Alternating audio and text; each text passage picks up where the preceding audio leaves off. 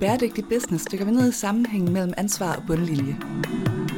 Sustainability er bare så sad. Det er så sørgeligt, ikke? For det handler bare om at vedligeholde. Indlandsisen smelter, isbjørnene dør, og hvis det hele ikke skal gå af helvede til, bliver verdens virksomheder nødt til at tage et medansvar for at skubbe udviklingen i en mere bæredygtig retning. Men kan det overhovedet betale sig at redde verden? Hvis de gør det, så bliver det faktisk en markedsfordel for dem, fordi folk vil gerne have det her. Lyt med, når iværksætter Steffen Max Hø opsøger en række af landets førende eksperter, der skal hjælpe ham med at svare på det helt store spørgsmål. Kan man tjene penge på at være en ansvarlig virksomhed? Så vi skal bruge bæredygtighed ikke som at sætte begrænsende regler, men til at innovere ud fra. Hej, mit navn er Steffen Max Hø, og velkommen til Bæredygtig Business, hvor vi undersøger, hvordan virksomheder kan tjene penge på at tage et socialt og miljømæssigt ansvar. I dag har vi besøgt World Perfect, der er et såkaldt bæredygtighedsbyrå. Vi fik en snak med partner og stifter Søren Stockholm om, hvad sådan et bureau egentlig går og laver. Søren fortæller med stort engagement om, hvordan World Perfect arbejder med at integrere bæredygtighed i virksomheder og offentlige institutioner, og om det arbejde, de har lavet for Northside Festival, Mogens Hansen, Reuse og mange andre. Hør, hvorfor Søren mener, at bæredygtighed i virkeligheden bare er et spørgsmål om ikke at være dum, og hvordan World Perfect betragter bæredygtighed som grundlag for innovation.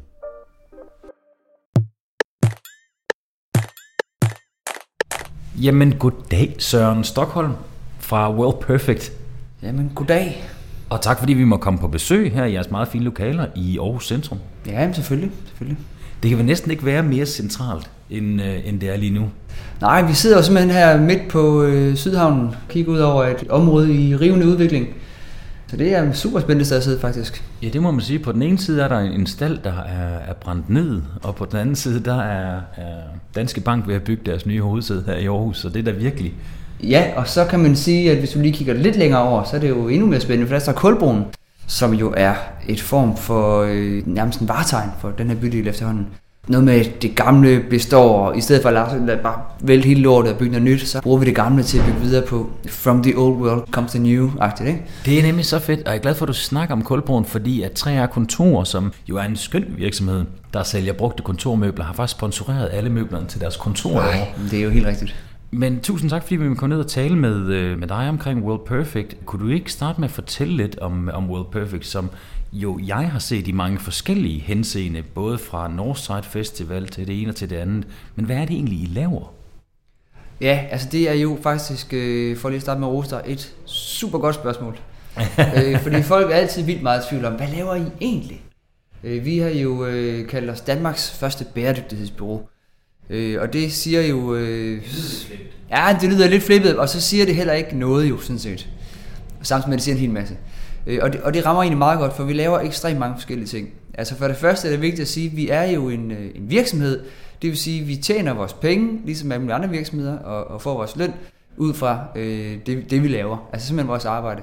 Øhm, og det har jo det har taget os ret lang tid at, at få, forklare det til verden, fordi folk har jo tit tænkt, at når, når det er bæredygtighed, så er det nok gratis at betale af kommunen eller staten eller et eller andet. Ikke? Det er det altså ikke. Vi, Ej, det er, vi, er, vi er simpelthen en virksomhed. Det er virkelig sjovt, for det er, jo, som, øh, det er jo det her med tre kontor. Vi havde jo det samme, fordi vi donerede mange møbler væk. Så, var det, ja. Øh, så tænkte folk automatisk, at Nå, det må være en eller anden form for velgørenhedsting. Men vi er jo også en hardcore forretning. Hvordan er det, I gør det, siger du? Ja, altså det er jo så, øh, der er en, en, sådan lidt en sjov øh, opstartshistorie faktisk, fordi vi startede jo med altså at have fokus på kommunikation og markedsføring. Og det er fordi, det, det er vores allesammens baggrund. Vi er tre, der har det. Øh, tre partnere, der ejer det. Øh, og vi er alle sammen gode til kommunikation øh, på forskellige måder. Øh, og så startede vi sådan set med at lave de her kampagner og markedsføringsting. Og så fandt vi ret hurtigt ud af, at vi sagtens skulle sige alt det, alt det rigtige at melde ud, at vi er gode til at finde ud af. Altså alt, alt, kommunikere alt det rigtige ud. Men vi fandt hurtigt ud af, at man kan ikke bare sige det. Det skal ligesom også ske. Så det vil sige, at vores rolle fandt vi ret hurtigt ud af, ikke lå i kommunikationen, men faktisk i strategien. Altså man kan jo nemt sige, kom vi øh, laver en festival, som arbejder med bæredygtighed, øh, og vi går efter for 100% økologi, vi går efter øh, bæredygtig strøm, vi går efter alt muligt. Øh, og alle de rigtige idéer kan vi jo sagtens melde ud, men det skal også lige ske. Øh, så vi gik faktisk fra at være en form for markedsføringsorgan, til at være et mere sådan rådgivende organ, og det er jo egentlig meget spændende.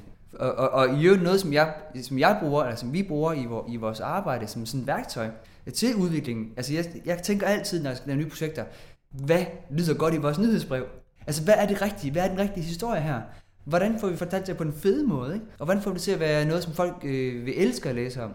For det er også dit det fede projekt.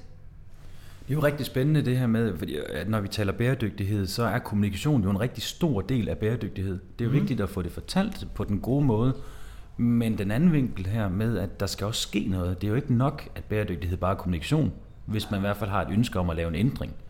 Nej, altså det er jo den gamle øh, greenwashing-snak, ikke? som vi jo også har, altså, har mødt mange gange. Ikke? Fordi man kan jo ikke sige, at vi, øh, vi laver en 100% bæredygtig festival. Ikke? Men nu vi, nu nævnte Northside før, ikke? Vi laver en 100% bæredygtig festival. Hvis man melder det ud, så kommer folk og bliver rasende, så det, det er jeg overhovedet ikke. Øh, og, og det har tidligere været sådan jo, at det har vi mødt også med andre kunder, at det gør jo, at folk bliver decideret bange for at i talesætte deres bæredygtighedsarbejde. Øh, fordi at så kan man risikere for tæsk. I er overhovedet ikke bæredygtige. Eller I er overhovedet ikke 100% bæredygtige, eller hvad det er ikke. Nej, nej, det er vi ikke vel. Altså det er jo sådan en knivsæk, man skal balancere på, faktisk, når man kommunikerer det ud. Øh, og det vi, øh, en måde vi bruger, det er jo det her med at at vi arbejder mod. Vi har den her vision. Vi vil gerne være en affaldsfri festival, for eksempel nu på Northside igen. Ikke? Det er vi ikke lige nu. Vi har genanvendt 80% af vores affald, ikke? cirka. Det er, rimelig, det er rimelig godt, vi er rimelig langt, ikke også? Men vi er ikke noget, der hedder affaldsfri nu. Men det er det, vi arbejder hen imod. Det er meget fedt pointe, det her med, at man skal turmelde ud, hvor man gerne vil hen. Ja. Og man skal øh, ikke nødvendigvis klandres for, at man siger, at der er et sted, man gerne vil hen, hvis man så lang tid man kan dokumentere eller vise, at man er på den vej. Lige præcis. Det hænger selvfølgelig sammen. Man skal også øh, lave nogle tiltag derhen, ikke? Og udover det skal vi også kommunikere dem faktisk. Og derfor på Northside laver vi også en rapport, som vi udgiver hvert år, hvor vi helt fuldstændig transparent melder ud, jamen vi satte vores øh, mål til 60% øh, FSC-certificeret spiseemballage, øh, og nåede 63% for eksempel. Ikke? Det var så, okay, over mål, fedt. Øh, vi satte målet på, at vi skulle have øh, 60% øh, bæredygtig strøm. Det fik vi ikke lige. Vi nåede 30%, eller hvad det nu er, vi nåede, ikke også? Og, og, men helt åben melde ud, og så begrunde, jamen det var fordi bla bla bla bla bla bla, for der er altid en god grund til det, ikke også?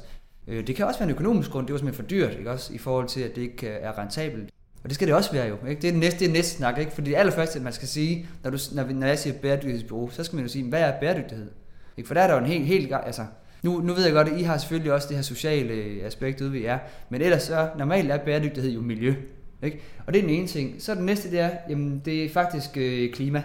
Og så glemmer man fuldstændig de ni andre planetary boundaries, som vi jo har øh, mindst, ikke også? Men det er det, som de taler om i Stockholm et eller andet sted. Øh, de har de her ni planetary boundaries, ikke? Ja. Øh, og så en af dem er så klima. Der er så også de otte andre, ikke? Det taler man ikke så meget om. Men det er så bæredygtighed, det er klima, ja, det, det er miljø, det er klima, og det er CO2, ikke? Så lige pludselig så sidder man der og har et CO2-bureau. Det har vi overhovedet ikke jo. Vi arbejder med bæredygtighed i bred forstand.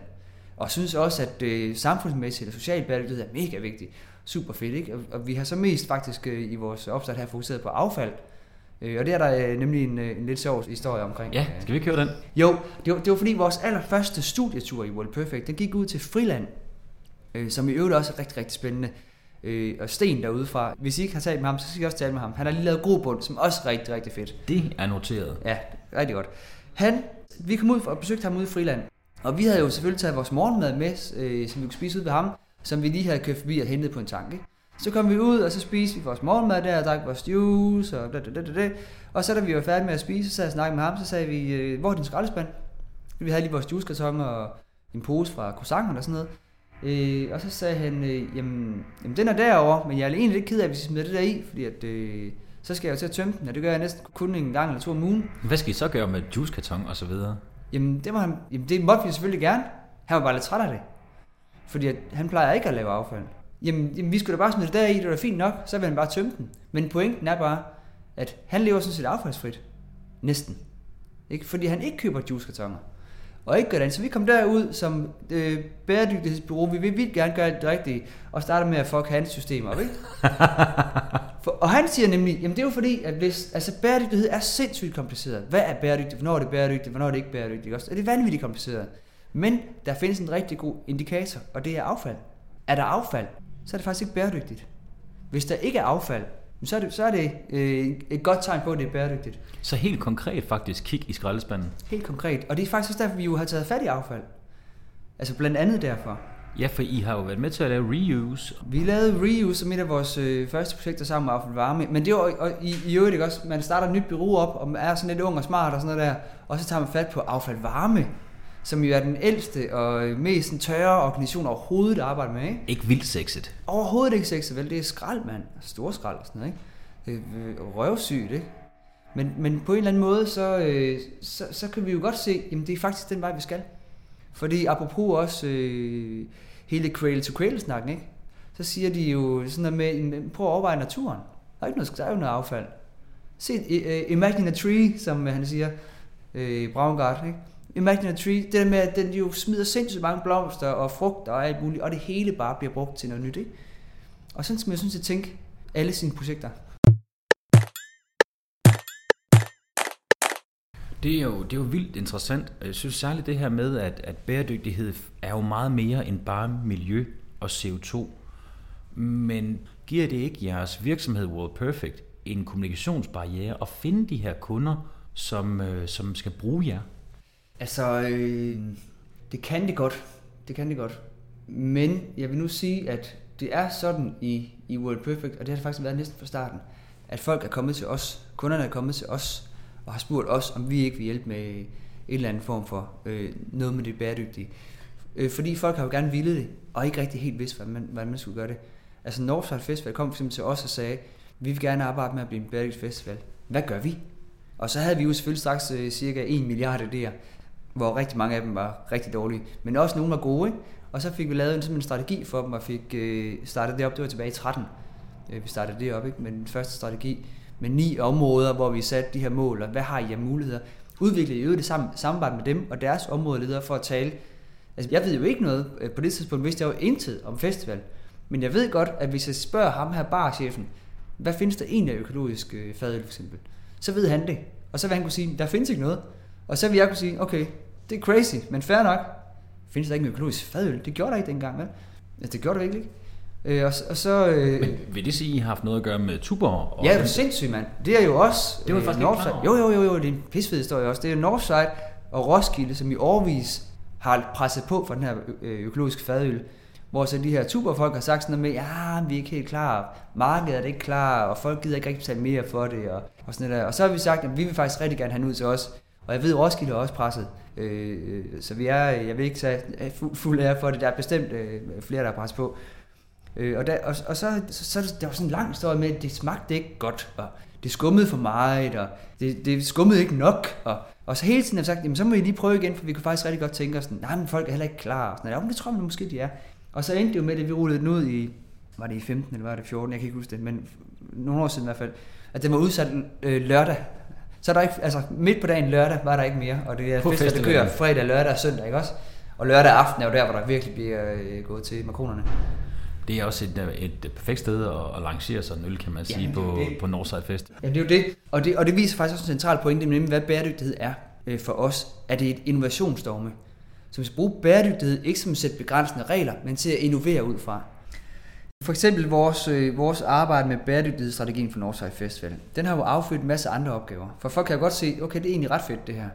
Altså den historie derude er, er ret, ret spændende og ret unik, fordi det er sådan, at øh, 94% af alle gæsterne derude forbinder Northside med bæredygtighed, øh, hvilket er et super højt tal. Altså, og jeg har jo selv været gæst derude, og, og det er jo faktisk noget, man bider mærke i. Jamen det er det. Og det er jo ikke kun fordi vi gør en masse ting, men også fordi i høj grad vi kommunikerer det rigtig stærkt ud. Det har simpelthen været et, et, et, et valg fra ledelsen, at de gerne vil kommunikere og brande sig på at være en bæredygtig festival.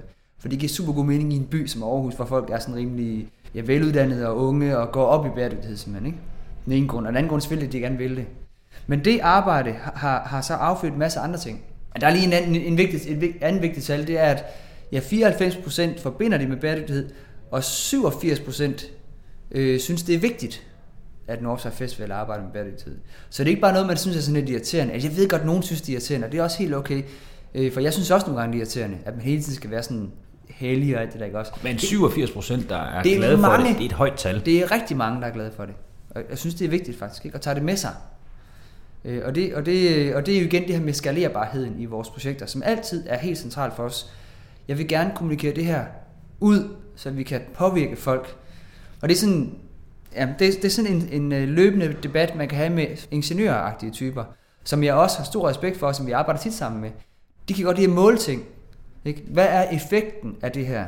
Og det kan være virkelig svært, når man taler om adfærd og mennesker. Ikke? For hvad er effekten af, at vi har kommunikeret så meget om bæredygtighed på Northside Festival? Det ved jeg ikke lige. Men jeg ved, at den er der. Men det er jo igen også det her med, med effekt og i hvilken optik, fordi at, at jeg kan jo ikke lade være at tænke som købmand, men når jeg hører, at 94% bemærker, at Northside er en bæredygtig festival, og 87% synes, det er en god idé, så er der 87% af ens kunder, der er glade for, at man har lavet noget, som er unikt. Og det er jo en fantastisk markedsføring også. Virkelig. Så det kan, altså, selvfølgelig kan man jo diskutere, hvilken effekt der er at man bruger ditten og datten, i stedet for nu. Jeg er ikke klar over præcis, hvor mange konkrete ting, I har lavet, og hvad det er for nogle ting. Det er mere sådan en vibe, man får, når man er der. Blandt andet, at der ikke rigtig er affald over det hele. Og det, det synes jeg er jo rigtig fedt. Men hvad, når du tænker på de her ingeniørtyper, og de snakker om effekt, er det så mere sådan den her konkrete for eksempel CO2-udledning, eller er det sådan nogle ting, som... Ja, det er jo sådan noget, de godt kan lide at måle på, ikke? Så kan man jo se, var det en god idé, var det ikke en god idé, ikke? Øh, og, og det er jo også mega stærkt at måle på ting, og i øvrigt så er altså, jeg er all in for at måle på alt, hvad vi overhovedet kan måle på, og det, og det gør vi også i, i stor stil. Men der er også ting, man ikke kan måle. Der er også bare ting, man ikke kan måle på, og hvad gør man så? Skal man så sige, at det kan vi ikke måle på, så er det ligegyldigt? Eller skal man sige, øh, det kan vi ikke måle på, men vi tror virkelig på, at det her det er vigtigt. Øh, og der skal man nogle gange, øh, i min optik, være modig og sige, jeg ved ikke lige, hvor, hvor meget vi får ud af det her, men jeg ved, at det er en god idé. Og så må man så, så, må man så gøre det. Ikke? Altså et eksempel, det er, hvis man laver en energirenoveringsprojekt på en skole. Så skifter man så også mange vinduer ud til de her nye energivinduer, øh, og isolerer måske, og en ny ventilation, og kan spare således øh, per år øh, så så mange procent. Så hører der en lille øh, adfærdskampagne til, øh, hvor, som man kan tilkøbe måske. Ikke? Og hvis man tilkøber den adfærdskampagne, så kan man måske spare, her gætter ingeniøren 5-10% ekstra. Ikke? Og det tal er bare sat fuldstændig random, ikke? fordi de skal have et andet tal. Øh, og så, jeg har lige haft diskussion med nogen nemlig omkring det, og så siger jeg, at vi kunne lige sætte den til 100%. Fordi hvis nu ikke I lærer de her børn og pedeller og lærer, at man faktisk skal lukke vinduerne, så er det ligegyldigt, hvor gode de er. Altså, i princippet, ikke? Så om det hedder 5% eller 100% er fuldstændig et spørgsmål om definitioner. Og så skal vi tage den snak. Hvordan definerer det? Men det er jo ikke særlig relevant og sjovt for folk, vel? Så det handler bare om, at adfærden er eddermame vigtig, og adfærdskampagnerne er også vigtige, for folk skal vide, hvad det er, det handler om det her. Så det du siger, det er, at man kan lave rigtig mange gode initiativer, men hvis man ikke får den her adfærd til at følge med, så er det jo i bund og grund ligegyldigt. Ja, og det, det som vi jo egentlig gør grundlæggende i World Perfect, det er, at vi arbejder med mennesker og adfærd. It's all about people, øh, plejer vi at sige. Og simpelthen fordi, at det er i bund og grund dig og mig, som laver valg. Og det er det, vi skal facilitere og gøre muligt, så det bliver de bedste valg, vi træffer. Ikke? Det er spændende. Så er det rigtigt forstået, at World Perfect er den virksomhed, man ringer til, hvis man ønsker, at sin egen virksomhed skal blive mere grøn og mere bæredygtig. Og så er I en slags konsulenter, der kan komme ind og hjælpe? Øh, ja, det er øh, egentlig meget godt øh, beskrevet. Om man så er virksomhed, eller en anden organisation, eller en kommune, eller i princippet jo, ja, whoever, så øh, fordi vi har den her brede tilgang til det, så kan vi faktisk komme ind og, altså vi har simpelthen så mange idéer. Ikke? Fordi, altså, fordi kæft, hvor gør vi bare mange dumme ting øh, rundt i verden. Ikke? Det var egentlig vores oprindelige pointe, at det handler bare om ikke at være dum.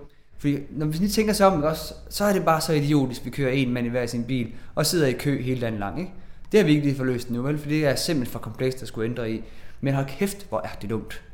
Ikke? Når man ser de her billeder af øh, kinesisk trafik, hvor alle folk bare skal ud af byen og sidder der ved deres bil, ikke? man tænker bare, wow, prøv, prøv lige at gentænke det der system, ikke? for det er virkelig dumt. Ikke? Og sådan er der bare rigtig mange ting. Det samme med affald. Ikke? Altså øh, genbrugsstationer, hvor man ikke må genbruge ting, det er da også dumt. Vi har, en, øh, vi har et mål om, at vi gerne vil affaldsminimere, som jo er det vigtigste. Ikke?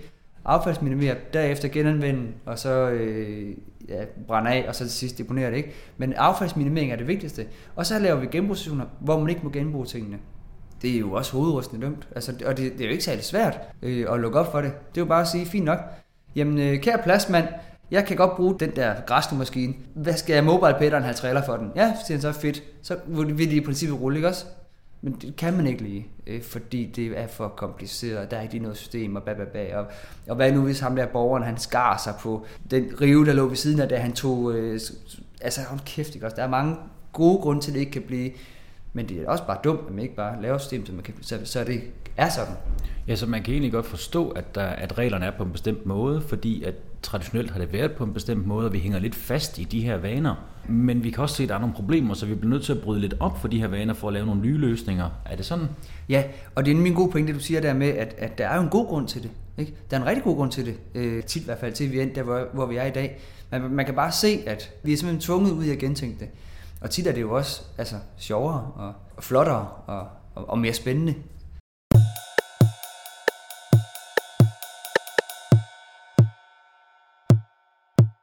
Kunne øh, du fortælle lidt mere om de kunder, I har haft øh, igennem tiden i World Perfect? For det er nogle ret øh, store og seriøse navne. Ja, det kan jeg godt. Altså, vi har, vi har, vi har jo arbejdet meget, øh, meget bredt faktisk. For nu at starte med Northside, som vi har talt om, så lavede vi jo strategien for dem tilbage der i 13. Og det har ligesom, altså det projekt har jo affødt øh, en masse andre af den slags eventopgaver, hvor man går ind og kigger, ja, vi, vi har et event, eller ja, et event, som vi gerne vil gøre mere bæredygtigt. Hvad gør vi?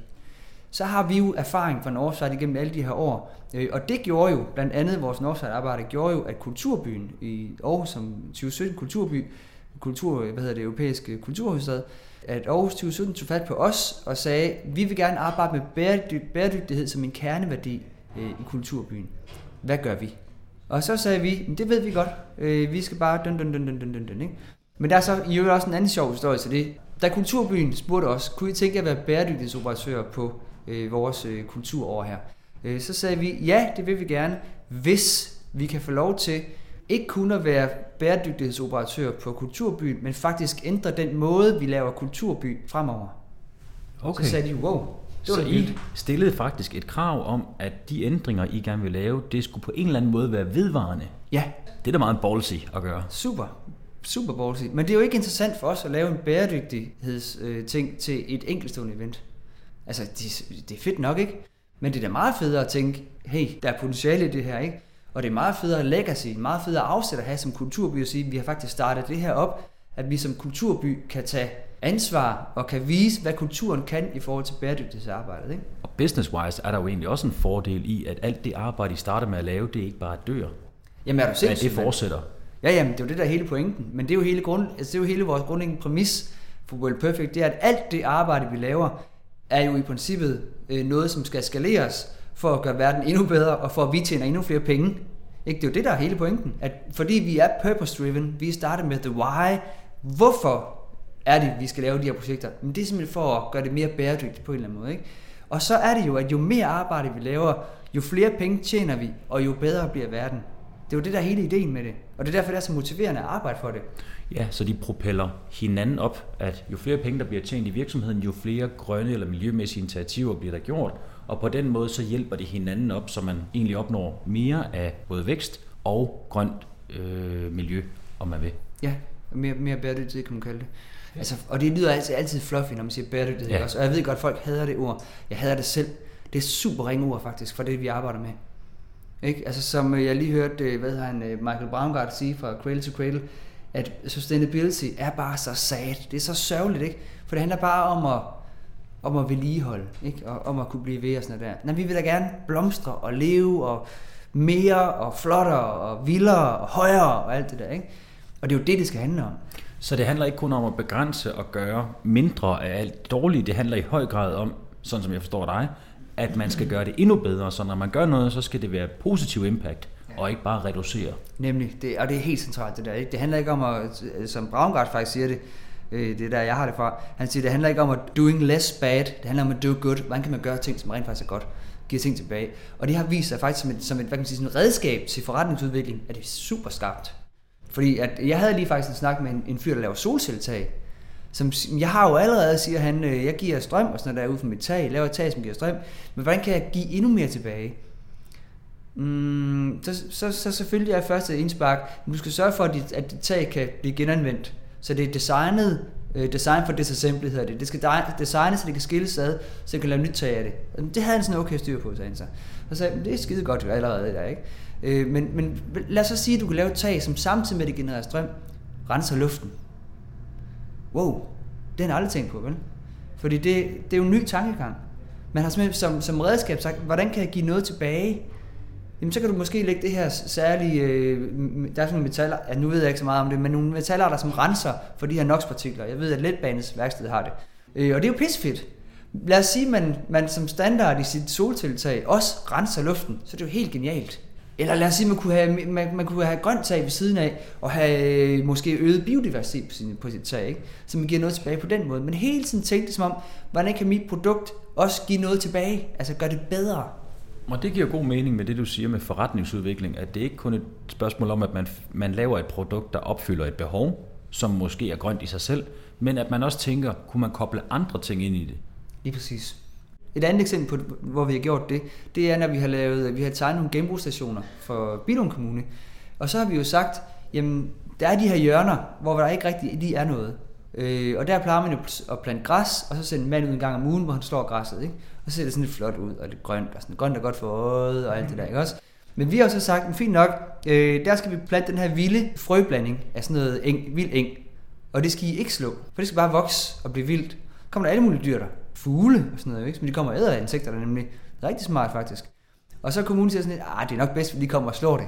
Øh, og så, så er det hele den der snak om, øh, nej.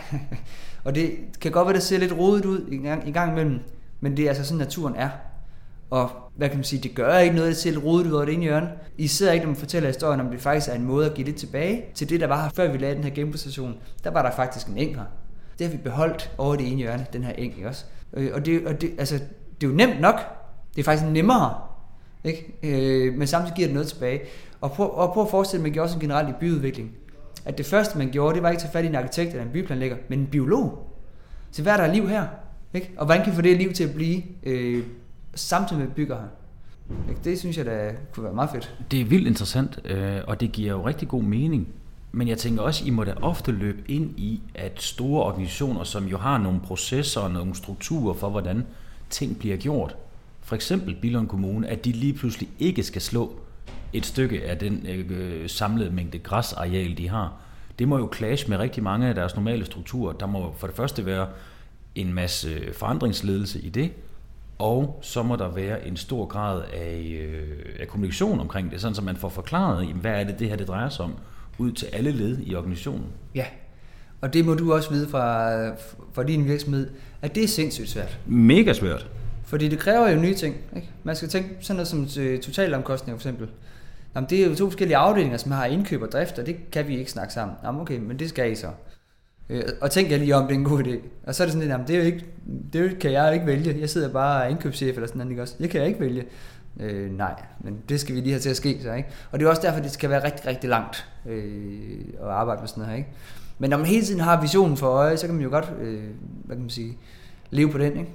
Men det kræver vel også, at man skal meget højt ind i organisationen, for at I kan arbejde med organisationen, hvis der skal være nogle ændringer. Det gør det faktisk. Og det er også derfor, når vi arbejder med øh, virksomheder eller, eller, eller øh, andre, andre projekter, så skal vi, vi skal i princippet så højt op som muligt. Så det er faktisk, det, altså jeg er lidt, vi plejer at sige sådan lidt cocky, at vi er ligeglade med CSR-chefen. Vi vil gerne snakke med CEO'en, fordi altså i, grundlæggende er vi lidt ligeglade med, hvad folk gør med deres overskud.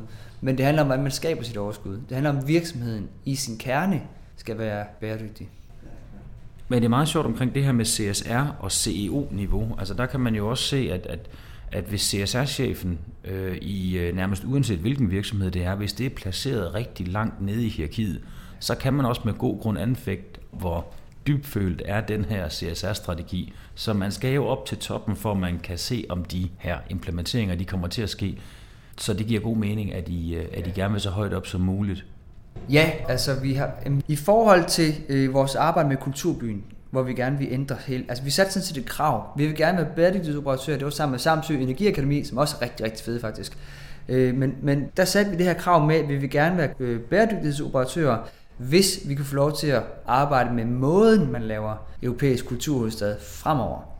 Og så, det synes de jo selvfølgelig var fedt på kontoret, fordi når jeg er klar nok et afsæt og sådan noget, så var der en grund til at alligevel at Aarhus skulle, altså selvfølgelig ud over alt det kunstneriske, jeg er med på det, og pisseflotte arbejde og alt det der, ikke også? men der var også en mere sådan meta grund. Øh, vi har faktisk ændret noget her, ikke? og fremover kan, kan det være sådan. Så der lavede vi Aarhus Sustainability Model, som er en model, som den er baseret på vores Northside case, basically.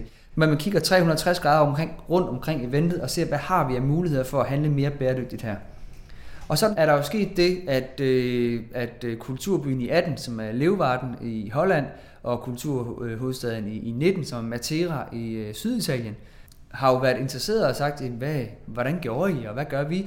Og vi er så nede selvfølgelig har, har fortalt om det, øh, og, og faktisk givet dem sådan en lille øh, Aarhus Sustainability Model øh, Matera version, så de selv kan arbejde videre med det. Og vi vil rigtig gerne ned og snakke endnu mere omkring det, øh, og udvikle deres egen model, for den skal selvfølgelig tilpasses deres kontekst. Selvfølgelig skal det være lokale, øh, lokale forhold, øh, skal den tilpasses. Så, så, så, så derfor har vi lavet den her model, som vi lige as we speak arbejder på at få bredt ud i, i endnu højere grad. Og det er jo så til hele Europa, det er et EU-projekt, som vi arbejder på at få hjem.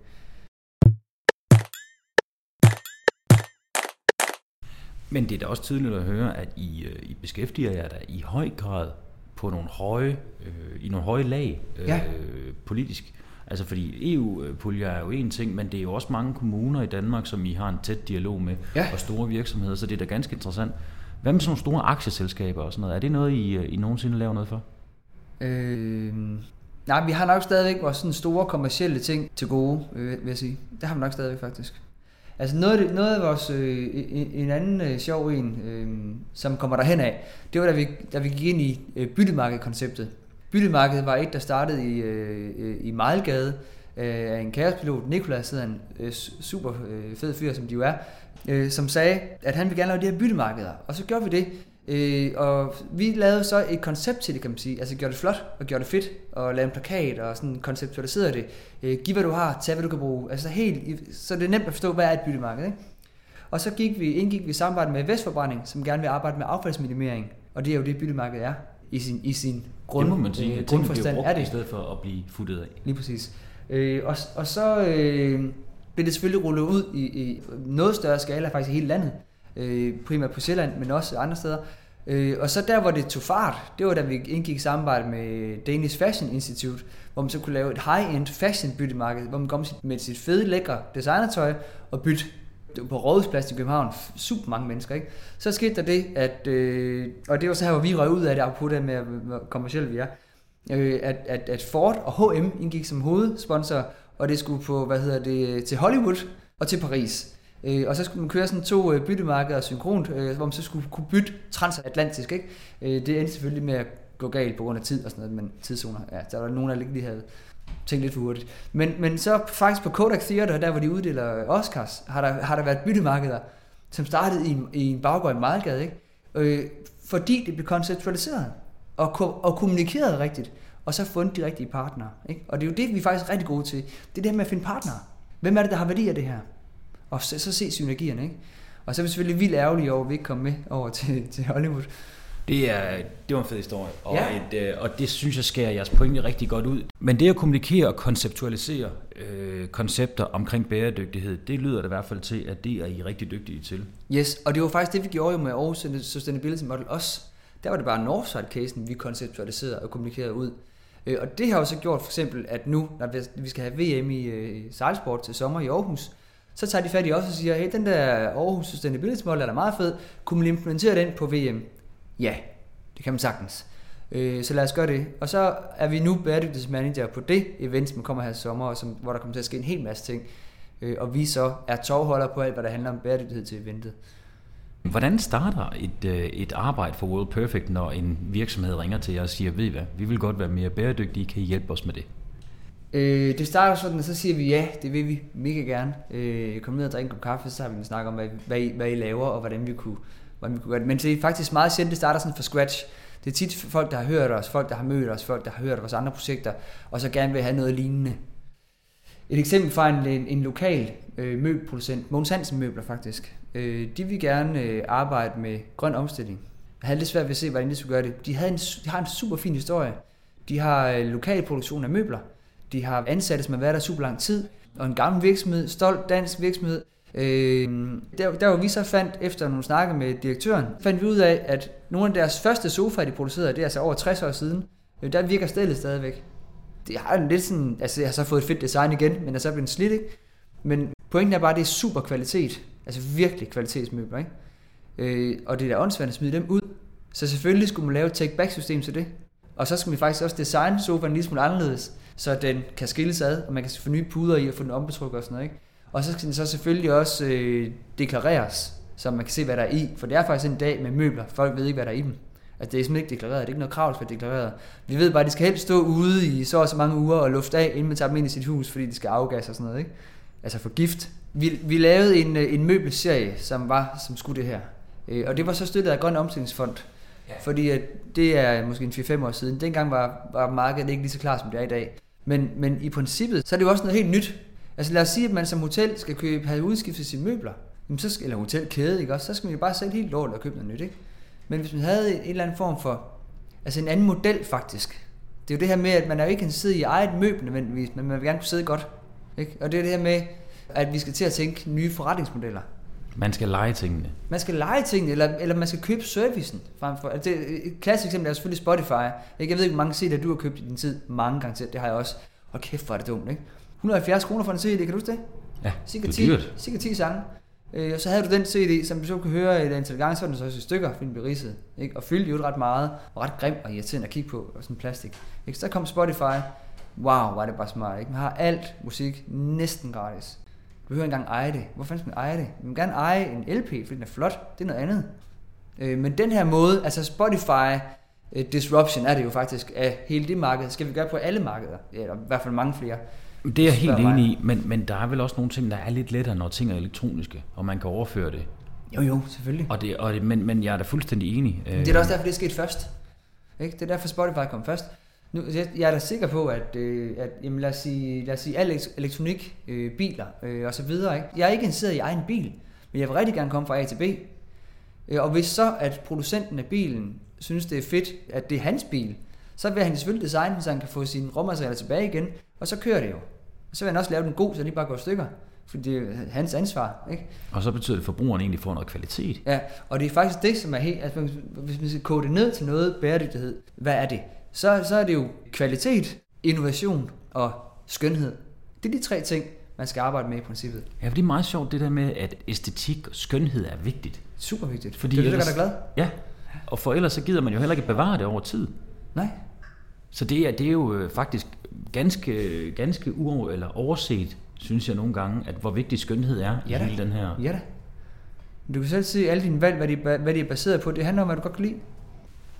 Så sådan som jeg forstår jeres forretning, så er det, at, øh, at man har taget fat i World Perfect, når det er, man tænker, jamen vi vil gerne have et øh, bæredygtigt element ind. Hvad nu, hvis man ikke selv har nogen idé om, hvordan man skal implementere bæredygtighed? Kan man lave bæredygtighed i alt og i alle forretninger?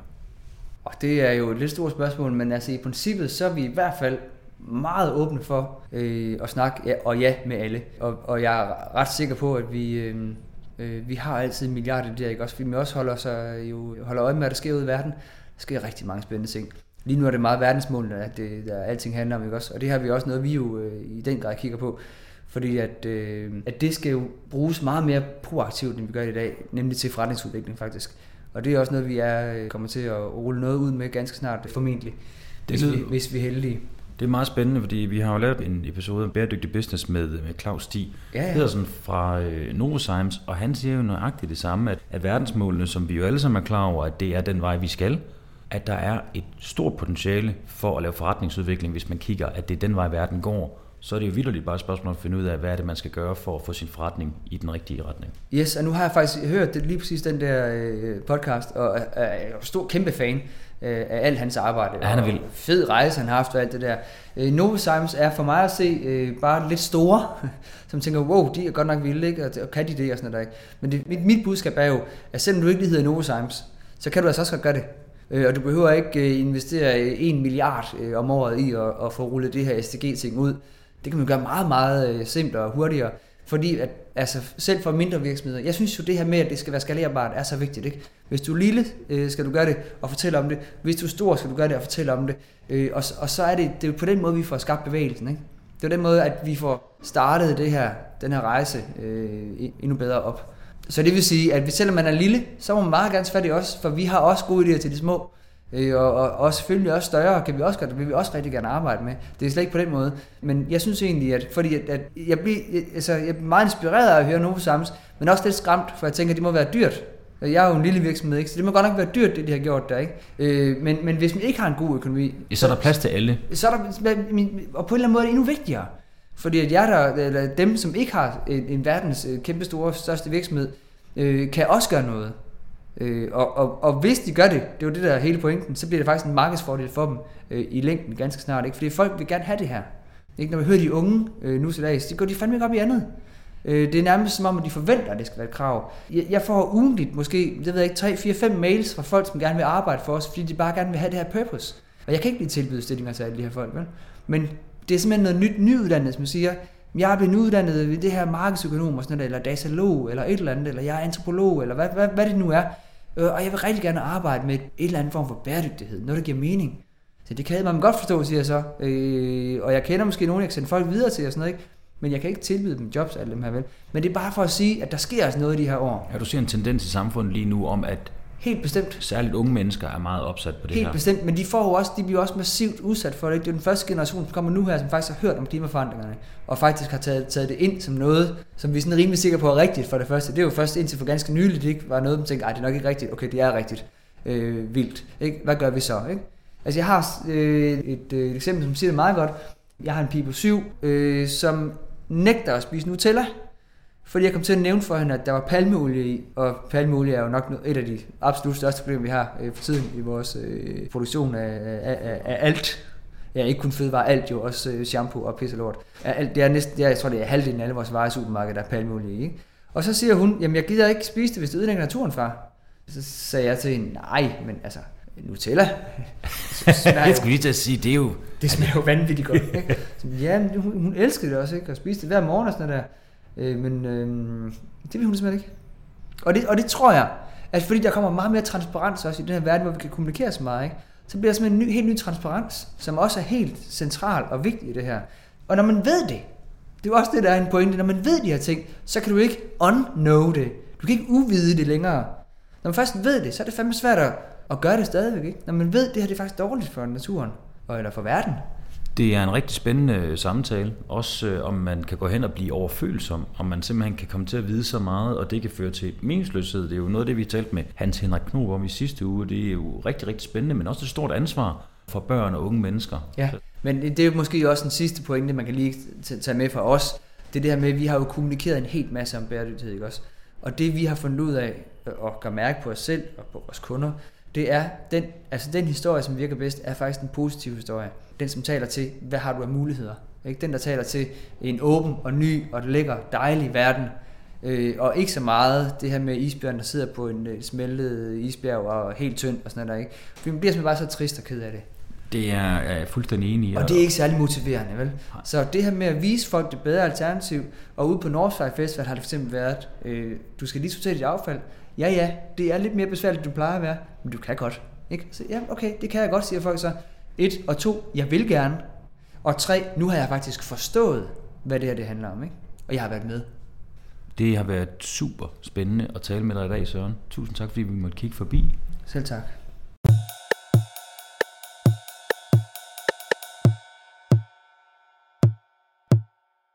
Det er altså ikke alle virksomheder, der har den viden, der skal til for at udvikle et bæredygtighedselement i deres forretning.